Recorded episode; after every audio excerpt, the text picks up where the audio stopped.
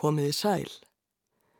16. desember 1771 andaðist Sigismund von Schrattenbach, fyrsti og erkibiskup í Salzborg sem nú tilheyrir Östuríki.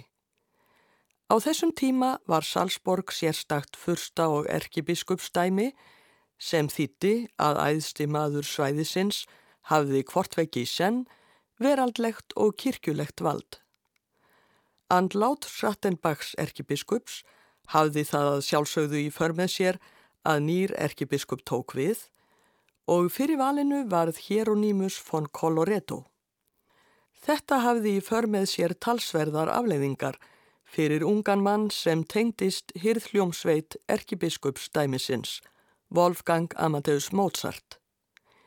Í ljós kom að þeim Colloredo erkibiskupi gekk illa að þóla hvor annan og hefur Colloredo raunar orðið alræmdur í tónlistarsögunni sem erkibiskupin sem kom svo illa fram við Mozart. Í þessum þætti verður sagt lítillega frá samskiptum þeirra og leikin verða verk eftir Mozart sem tengjast erkibiskupnum á einhvern hátt. Leopold Mozart, fadir Wolfgangs Amadeusar, var hýrðtónskáld og varalljómsveitarstjóri hjá Schrattenbach og undrabarnið Mozart var ekki nema 13 ára þegar hann fór að semja fyrir hýrðhljómsveit erkibiskupsins. Þegar Coloretto tók við af Schrattenbach árið 1772 var Mozart 16 ára. Í fyrstu virtist allt ætlað ganga sæmilega. Pöntuð var ópera hjá tónskáldinu unga til þess að flytja við embættistöku hins nýja erkibiskups og Mozart ákvað að nota einn þáttungsóperu sem hann hafði raunar samið árið áður fyrir Schrattenbach.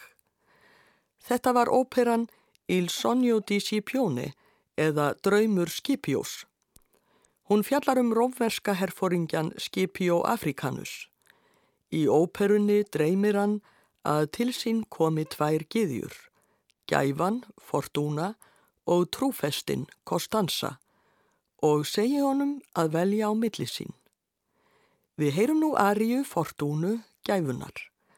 Hún segir, ég er hverflind eins og vindurinn, ég reyðist og er orðin róleg aftur eftir andartak, ég nýt þess að byggja upp úr rústum en hef jafn mikla ánæju að því að brjóta niður það sem ég byggði. Rene Flemming syngur Aríu Fortúnu með Sankti Lukasar hljómsveitinni Stjórnandi er Charles McKerras.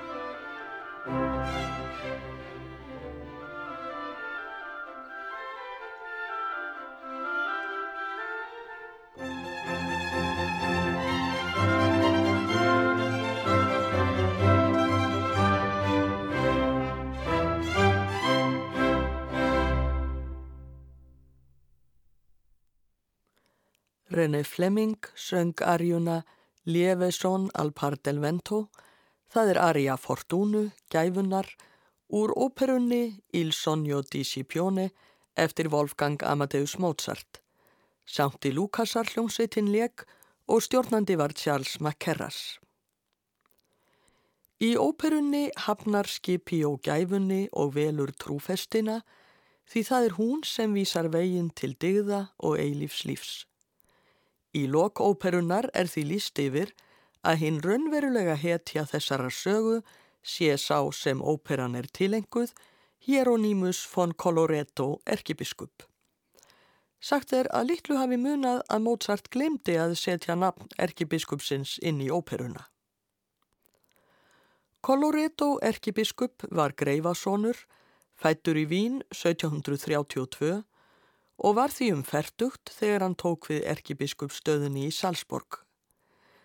Hann leik sjálfur svo litið á fyrlu og gerði hinn unga Mozart að koncertmeistara hýrðljómsveitarinnar með 150 gillinni í áslaun. Þetta voru ekki mjög hálaun og Mozart vonaðist eftir því að geta fengið betri stöðu annar staðar. En svo staða let á sér standa. Tónleikaferðir þeirra feðga til Ítalju, Vínarborgar og München juku að vísu á hróður Mozart sem tónskáls og hljóðfæraleikara en honum var ekki bóðinn staða við hýrð Marju Teresíu keisaræinju eins og feðgarnir hafðu gert sér vonirum. Ekki nóg með það, Coloretto erkibiskup leti ljós óanæju með ferðalög þeirra og krafðist meiri viðveru þeirra við hýrðina. Tónsmiðurinn ungi var sár gramur Var það kannski ekki heiður fyrir erkibiskupin ef tónskáldi hans þjónustu vakti aðtigli á öðrum stöðum og var ekki nöðsynlegt fyrir ungt og efnilegt tónskáld að ferðast til þess að kynna sér nýja ströyma og stefnur. Þannig leitt Mozart á málið. Og hann var ekki eini íbúi Salzborgar sem var óánæður með erkibiskupin. Coloretto reyndi að koma á svokörluðum umbótum á kirkjustarfinu með því að sveia kirkjusíðina meira í átt til mótmælendað trúar. Þetta var í andastefnu sem Jósef Annar keisari hafði markað en flestir í hinni ramkathólsku Salzborg tóku ítla í slíkar breytingar. Mozart samti allmörg tónverk fyrir erkibiskupin eins og vinnu skilda hans hvað áum og vorða bæði trúarleg tónverk og veraldleg. Þar á meðal voru söngverk kölluð Litanie Lauretane, Litanjur fyrir Guðsmóður frá Loretto. Við heyrum nú kaplan Anjus Dei, Guðs Lamp, úr slíkri litanju sem Mozart samdi fyrir kirkjuna í Salzborg í aprilmánuði 1774. Hann var þá 18 ára gammal.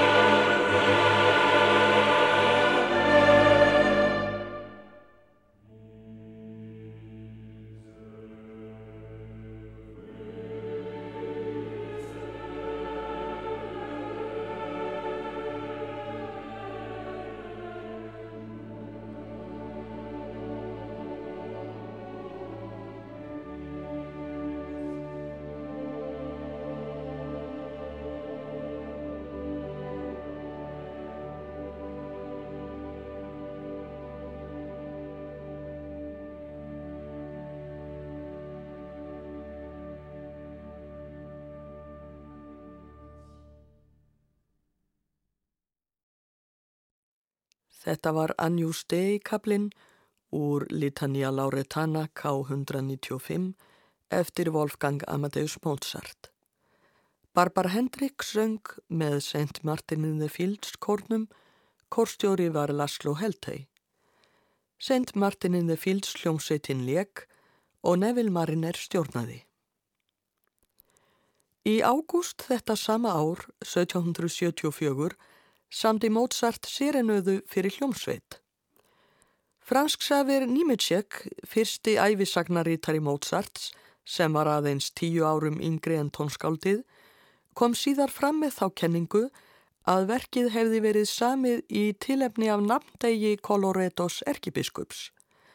Þetta hefur sumum tónlistarfræðingum þótt vafasamt, þar sem nafndagur Coloretos var í septemberlokk, en engað síður hefur serenaðan fengið viðurnefnið Coloreto serenaðan. Hér verður nú leikinn þriðji þáttur verksins Menuett. Það er Mozart sveitin í Vín sem leikur þriðja þátt úr serenöðu nr. 4 í détur K203, Coloreto serenöðunni, eftir Wolfgang Amadeus Mozart. Stjórnandi er Vili Boskovski.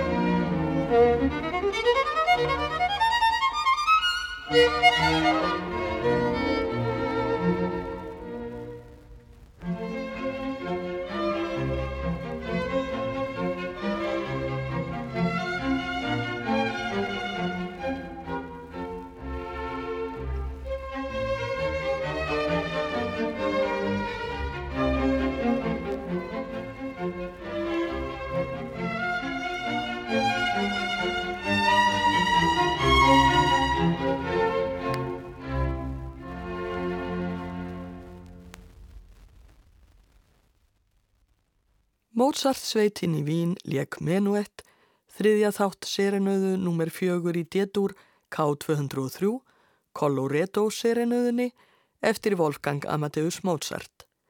Vili Boskovski stjórnaði hljómsveitinni, hljóðritun frá 1967. Árið 1777 var Mozart orðin óþreyju fullur og þeir feðgar báðu erkibiskupin um leifi til þess að fara í enn eina tónleikaferð. Það er bísna fróðlegt að lesa upphaf brefs Mozarts til erkibiskupsins. Orðalagið sínir hvernig nöðsynlegt var að ávarpa valdsmenn á þessum tíma. Þýðingin er eftir Árna Kristjánsson. Íðar hágöfugi, náðugi og mikilsvirti herra fyrsti hins heilaga rómverska ríkis. Náðugur landstrottin vor og herra, herra. Ég dyrfist ekki að ónáða íðar hágöfgi með langorðum lýsingum á bábornum kringumstæðum vorum.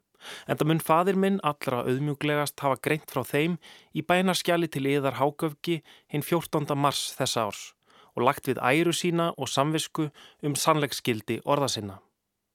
En þar sem von hans um náðarsamlega ákverðuniðar hágöfgi brást, hugðist fadir minn í júni síðaslinum fara þess auðmjúglegast á leit við yðar hágöfgi að þér veittuð oss leifi til ferðalags um nokkura mánuða skeið í því skyni að afla oss bjargraðis og hefði framkvæmt þá fyrirætlun sína ef ekki hefði borist mildileg fyrirskipan yðar hágöfgi um að hljómsveitin skuli vera til alls reyðubúin vegna væntanlegar yfirferðar hans hátegnar keisarans.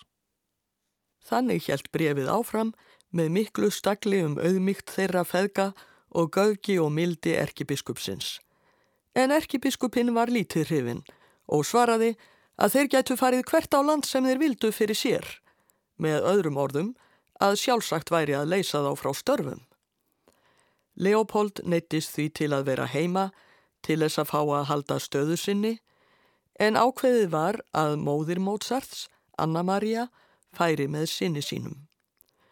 Mægininn fóru til Augsborgar, Mannheim og loks til Parísar en sér til mikill að vonbreyða fekk Mozart þar ekki þau tækifæri sem hann hafði vonast eftir og Parísardvölin fekk sorglegan endi þegar móðir hans veiktist og dó. Nú var ekki um margt annað að ræða fyrir Mozart en að snúa aftur til Salzborgar og verða á ný hýrð tónlistarmadur erkibiskupsins, enda skrifaði fadiranssonum að koma heim sem fyrst. Mozart gæti ekki neytað en að brefum hans má sjá að honum fannst það ekki físilegur kostur. Honum fannst erkibiskupin ekki kunna að meta sig og hann skrifaði föður sínum.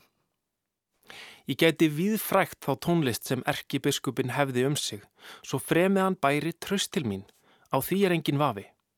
Þér meði trúa því að þessi för mín hefur engan vegin orðið áranguslaus að því er til tónsköpunar tekur og á klaverið leiki eins vel og mér er lægið. Eitt er það enn sem ég vil fara fram á varandi Salzburg, að verða ekki settur á pall með þyluleikurum eins og ég áður var. Ég vil ekki verða þylari á ný. Ég vil sitja við klaverið og ímitt stjórna þaðan eða leika undir ariusöng á hljóðfærið. Í öðru brefi sem Mozart skrifar föður sínum frá borginni Mannheim sem var fræg fyrir góðar hljómsveitir, kemur fram hvers konar hugmyndir hann hafði um endurbætur á tónlistarflutningnum við hyrðina í Salzborg. Ó, bara við hefðum klarinett. Þér getið ekki ímyndaður hvað symfónia með flautum, óbúum og klarinettum hefur undursamleg áhrif. Í fyrstu áhern sem ég fæ hjá erkibiskupnum hef ég margt að segja honum og sennilega ymsar tillögur fram að færa. Æ, tónlistin okkar væri miklu betri og feguri bara ef viljin væri fyrir hendi hjá erkibiskupnum. Og í þriðja brefinu sem Mozart skrifar föður sínum segir hann Erkibiskupin getur aldrei greitt mér nægilega fyrir allan þrældómin í Salzburg. En eins og ég hefi sagt, mér er það tilhökunarefni að koma í heimsók til yðar, en fyllist ángist og kvíða þegar ég hugsa til mín við þessa betli hyrð. Erkibiskupin er það að leggja af mikilmennskuna og hrókan sem hann óspart let mig áður finna. Annars geti svo farið að ég gefi honum langt nef. Já, það er meira en líklegt að svo fari og er ég vissum að þér mynduð láta þér það vel líka. Í janúar 1779 kom Mozart aftur í þjónustu Colorettos erkibiskups og var nú ráðinn hyrðorganisti. Það lið ekki nema tvö ár þar til upp úr sögð milli Mozarts og erkibiskupsins. Mozart fannst erkibiskupin stöðugt sína sér lítilsvirðingu og hinn síðarnemdi virðist hafa litið á Mozart sem hrókafullan strákvolp sem ekki rekti skildur sínar almennilega. Í marsmánuði 1781 var Coloretto stattur í Vínarborg með föruneyti sínu og skipaði Mozart að koma þangað. Þegar þangað var komið var Mozart bóðið til aðalsfólks sem þekkti til hans En erkibiskupin bannaði honum að þykja bóðið og bannaði honum einnig að halda tónleika. Mozart svaraði með því að augra erkibiskupnum og óhlýðnast ýmsum skipunum hans. Samkomulagið versnaði og 9. mæ 1781 skrifaði Mozart föður sínum í miklu uppnámi. Samkvæmt venju ávarpaðan föður sinn á frönsku Montré sér per eða Ástkæri fæðir minn.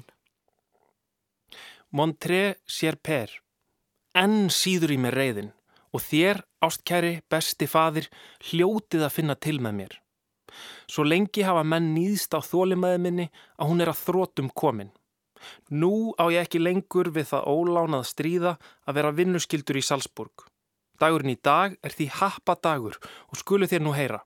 Tvísvarsinnum reytti þessi, ég veit ekki hvað ég á að kalla hann, fúgerðum og aðdróttunum framann í mig sem ég af nærgetni við yður hef ekki sagt yður frá og sem ég veigraði mér við að bera af mér á stundinni vegna þess að ég hafði yður, góði fadir, ávalt í huga. Hann kallaði mig strák og sóðabrók, saði mér að heipja mig á brott. Ég leti þetta yfir mig ganga, enda þótt ég fyndi til þess að ekki einasta æru minni heldur einning sóma yðar væri gróflega misbúðið. En þér vildu það svo hafa og því þægði ég. Mozart segir síðan föður sínum hvað gerst hafi. Erkibiskupin skipaði honum að fara aftur til Salzborgar og Mozart til Gremju fekk hann engan frest eins og aðrir starfsmenn hafðu fengið. Hann ákvað sjálfur að fresta försinni til laugardags og segir föður sínum í brefinu að hann hafi gert það til þess að fá borgaða peninga sem hann átti inni.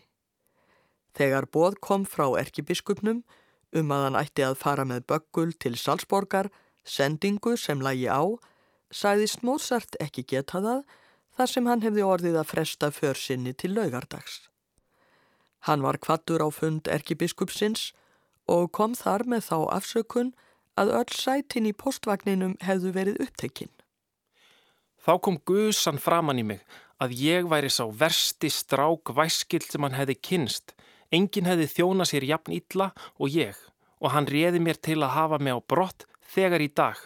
Ella myndi hann skrifa heim og fyrirskipa að laun mín eruð kyrsett. Ég gæti ekki komið að einu orði Ræða hans gusaðist út úr honum eins og eldstólpi. Ég hlustaði á hann með stillingu þó að hann reyti þeirri lígi framann í mig að ég fengi 500 gillin í laun enda þótt ég væri larfur og lúsablesi og apatríni. Æ, ég get ekki haft það allt eftir við yður. Loks, þegar blóðið fór að olga í æðum mínum, varð mér að ordi. Svo eðar há æruverðu að náð er ekki ánað með mig. Hvað hefur hann í hótunum við mig fýblið Þarna eru dyrnar. Ég vil ekkert hafa með slíkan strák óþokka að gera framar. Og ég ekki með yður, bætti ég við í endin. Burt með hann! Um leið og ég gekk út úr dyrunum, sagði ég. Við það stend ég. Á morgun fáði ég það skriflegt. Segið mér nú, faði minn góður, hvort ég hafi ekki sagt upp frekar of seint en of snemma. Mozart gerði sér samt ljóst að þetta myndi ekki setja föður hans í þægilega stöðu þar sem hann var enn í þjónustu erkibiskupsins. Hann skrifaði því. Skrifið mér á leinimáli að yfir líkið þetta vel, en það ætti svo að vera. En út á við megið þér vita framkomi mína eftir vild, svo að enginn falli sök á yfir. Mozart talar þarna eins og hans í viss um velþóknun föður síns. En því fór fjarrri að föður hans líkaði þetta vel, enda var hann döðrættur um að reyði Coloredos myndi bytna á sér. Hann skrifaði síni sínum og kvattan til að byggja erkibiskupin auðmjúklega afsökunar og reyna að komast aftur í þjónustu hans. En Mozart var ekki aldeilis á því. Ekki heldur þótt fadir hans fengi Karl Arko greifa, svon aðal kammerherra erkibiskupsins, til þess að reyna að tala um fyrir honum. Mozart var ákveðin í því að segja upp. Formlega uppsögn þurfti að leggja fram sem bænarskjál og vildi Mozart fá Arko Greifa til þess að taka við því og aðfenda Coloretto fyrir sína hönd en Greifin vildi ekki vera milligöngumadur um uppsögnina. Að lokum sögð einnig upp úr á milli Mozarts og Greifans á heldur betur sögulegan hátt. Mozart skrifar föður sínum 9. júni 1781. Montré Sherper. Nú hefur Arko Greifi haga sér þokkalega. Þetta er þá lægið á því að tala menn til og fá það á sitt mál. Þótt er neiti af meðfættri heimsku að taka við bænarskjali og þóra ekki af þýlindi og auðmyggjaskap að segja eitt orð við yfirbóðara sinn. Hafi mig að fýbli í fjórar vikur og kníiloks undirritaðan til að aðfenda bænarskjalið sjálfur. Og í stað þess að leifonum, að minnstakosti yngungu, gerir sér lítið fyrir og rekja hann á dyr og sparki í rassin á honum. Þetta er þá greifin sem sangvað síðasta brefi yðar er mér svo hliðhollur og þannig er hyrðin sem ég átt að þjóna eftirleðis en tekur þeim sem afhenda vill bænarskjál með slíkum endemum í stað þess að vera honum innan handar við að ljúka erindi sínu. Þó að ekki væri nú líklegt að hægt væri að fá Mozart ofan af ákverðun sinni, reyndi Leopold fadir hans enn að fá hann til að snúa við blaðinu og benti honum á sonarlegar skildur hans við föður sinn. Mozart svaraði. Þér besti allra feðra. Hver fúslega ég geti fórnað bestu árum mínum yður til þægðar á stað við smánar laun, ef það væri eina kvöðin, en ítla launaður og þar að auki hættur, fyrirlitin og kúaður. Það er vissulega til full mikils ætlast. Ég hefi samið sónutu fyrir sjálfan mig og rondó fyrir Brunetti og Tjekkarelli til flutnings á erkibiskups hljómleikunum. Ég hef leikið tvísvar á slíkum tónleikum og að þeim loknum tilbreyði í heila klukkustund um stef sem erkibiskupin ákvað sjálfur. Og við svo góðar undirtæktir að erkibiskupin gatt glaðst yfir því ef hann hefði haft einhverja agnarögn af manneskulegri kendi brjósti sér. En í stað þess að votta mér velþóknun og viðkenningu, eða þá láta það ógert, fór hann með mig eins og götustrák, sagði upp í opið geðið á mér að ég skildi hipja mig. Hann geti fengið hundra þjónustu sveina mér fremri. Og Mozart var ekki heldur búin að gleima móðgun Arko Greifa. Hefði Arko Greifi aðeins tekið við bænaskjali mínu eða útvöða mér áheirn, eða ráði mér til að senda skjál mitt síðar, eða býða átækta og íhuga máli betur. Nei, Í stað þessi hrindir hann mér út úr dyrum og hjálpar til með sparki í baklautan á mér. Nú nú, það þýðir á þýsku máli að Salzburg er ekki lengur minn staður. Nema ef vera skildi að ég fengi þar tækifæri til að gera herra greifunum sömu skil og sparka í rumpin á honum, þó að fjölfærinni götu væri. Mozart segist meira að segja ætlað skrifa greifanum bref og tilkynna honum að hann skuli sparka í rassin á honum við fyrsta tækifæri nema ef þeir skildu hittast í kirkju. Teningnum var kastað. Mozart var búinn að rýfa sig lausan úr þjónustu Colorettos erkibiskups og þó að Leopold fadir hans væri sár og anæður var Mozart sjálfur hæst ánæður og fagnaði nú fengnu frelsi. Í Vínarborg kunni hann miklu betur við sig en í Salzborg og hann kvatti föður sinn til að flytjast þangað til sín á samt Nannel sýstur sinni og hann hófst nú handa við að semja óperu fyrir óperuflokk sem sjálfur Jósef Hannar keisari hafði stopnað til þess að flytja söngleiki á Þísku. Gottlýp Stefani samti tekstan við óperuna sem hlaut nafnið Brottnámið úr kvennabúrinu. Mozart skrifaði föður sínum heilmikið um óperuna og myndist meðal annars á bassasöngvaran Ludvík Fischer sem átti að syngja hlutverk Osmins. Mozart nefnir í brefi sínu að Coloretto erkibiskup hafi einu sinni sagt við sig að Fischer hefði of djúpa bassarödd. Mozart segist einmitt ætla að nota þessa djúpu rödd, sérstaklega í Ariu Osmins í fyrsta þætti. Við tilbúningin sá ég til þess að hinnir djúbu, hrífandi tónar söngvarans fengi að njóta sín, hvað sem Salzburgar mítas segir. Þarna líkir Mozart erkibiskupnum við Mítas konung sem sagt er frá í grískum goðsögnum að hafi fengið astnæru af því að hann bar svo lítið skinnbræð á tónlist. Arian sem Mozart á við er Solje Hergeláfne Laffen þar sem Osmin lýsir því hvernig hann þrái að hefna sín á óvinni sínum Pedrillo. Við heyrum nú þessa arju og bassasöngvarinn hér er ekki heldur af verri endanum. Það er Matti Salminen sem syngur með Mozart hljómsveit Óperuhúsins í Zürich en Nikolás Arnákúr stjórnar.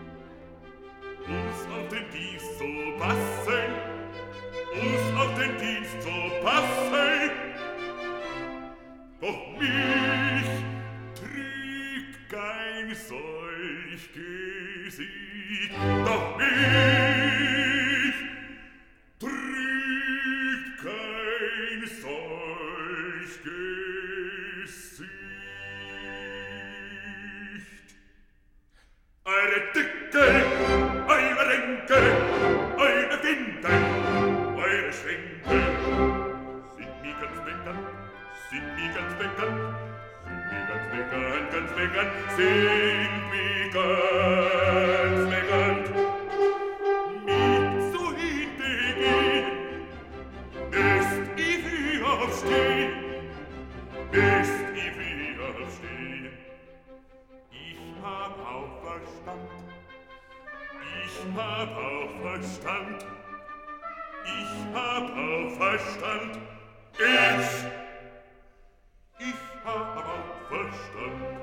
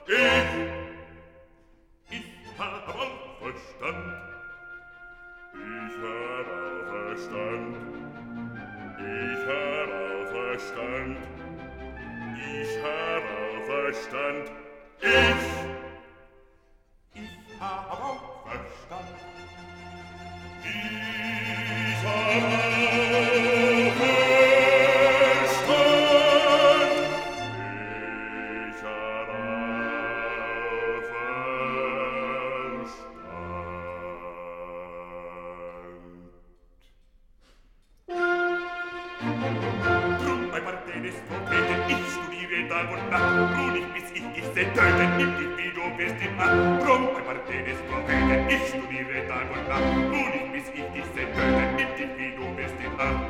Nehm dich, dich,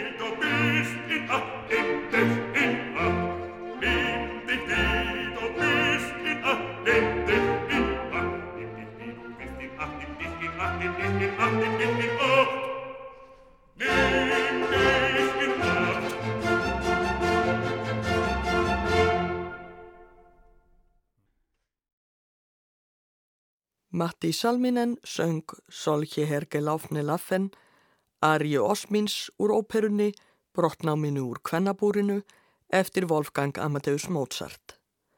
Mozart hljómsveit óperuhúsins í Zürichleik, stjórnandi var Nikolás Arnón Kór.